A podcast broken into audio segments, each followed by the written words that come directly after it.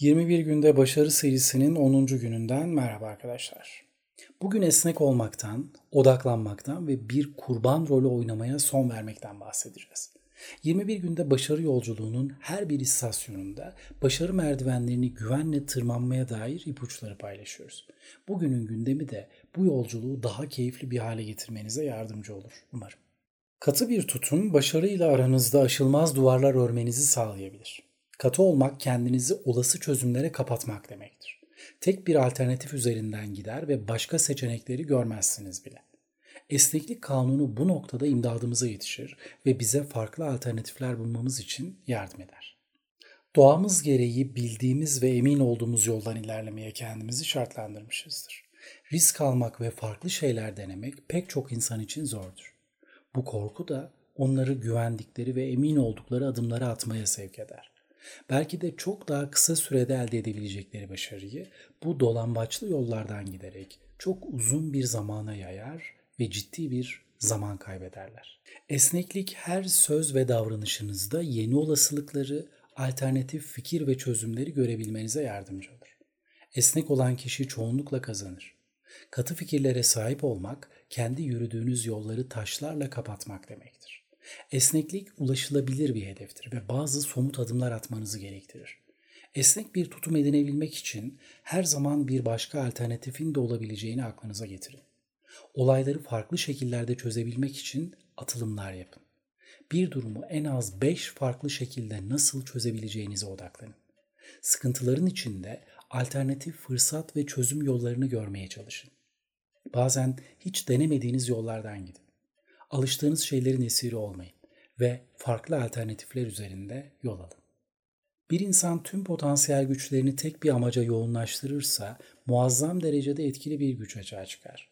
Konsantrasyon tüm kaynaklarınızı toplama ve onları yapıcı bir hedefe kilitleme gücüdür.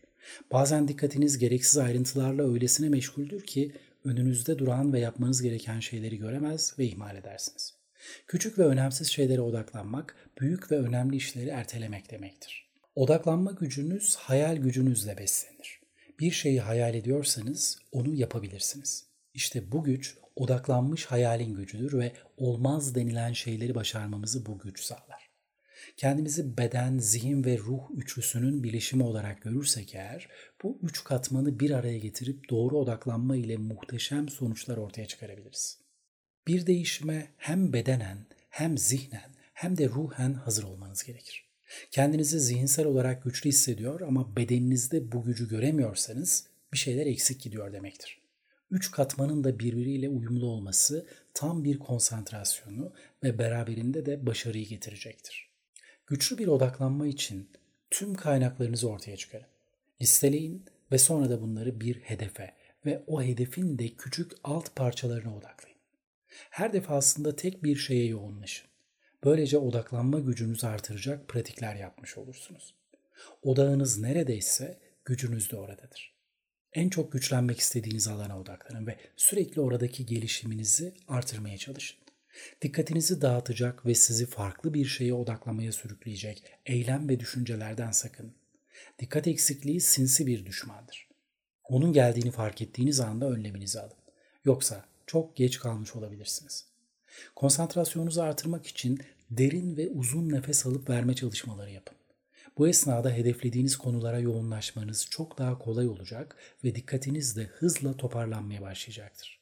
Bir konu çözülmeden o konudan odağınızı çekmeyin ve odaklanma becerinizin başarının en temel yapı taşı olduğunu hep aklınızın bir yerinde tutun lütfen.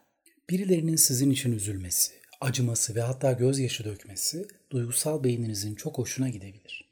Ama bu durum gerçeği değiştirmez kurban rolü oynamanın kendinize acımak ve melankolik takılmaktan başka bir işe yaradığı yoktur. Kurban rolüne bürünmek daha fazla kurban rolünün size teklif edilmesini sağlar. Teklifler de bilinçaltı düzeyde kabul edileceği için siz farkında bile olmadan bir de bakmışsınız ki acılar acıları çekmiş ve kendini doğrulayan kehanet çoktan gerçekleşmiş. Bu senaryoyu yaşamak istemiyorsanız eğer kurban rolü oynamaya bir son verin ve kendinizi bir an önce bu amansız tuzaktan kurtarın. Bir kurban kimliğine bürünmek size daha çok acı vermekten başka bir işe yaramaz.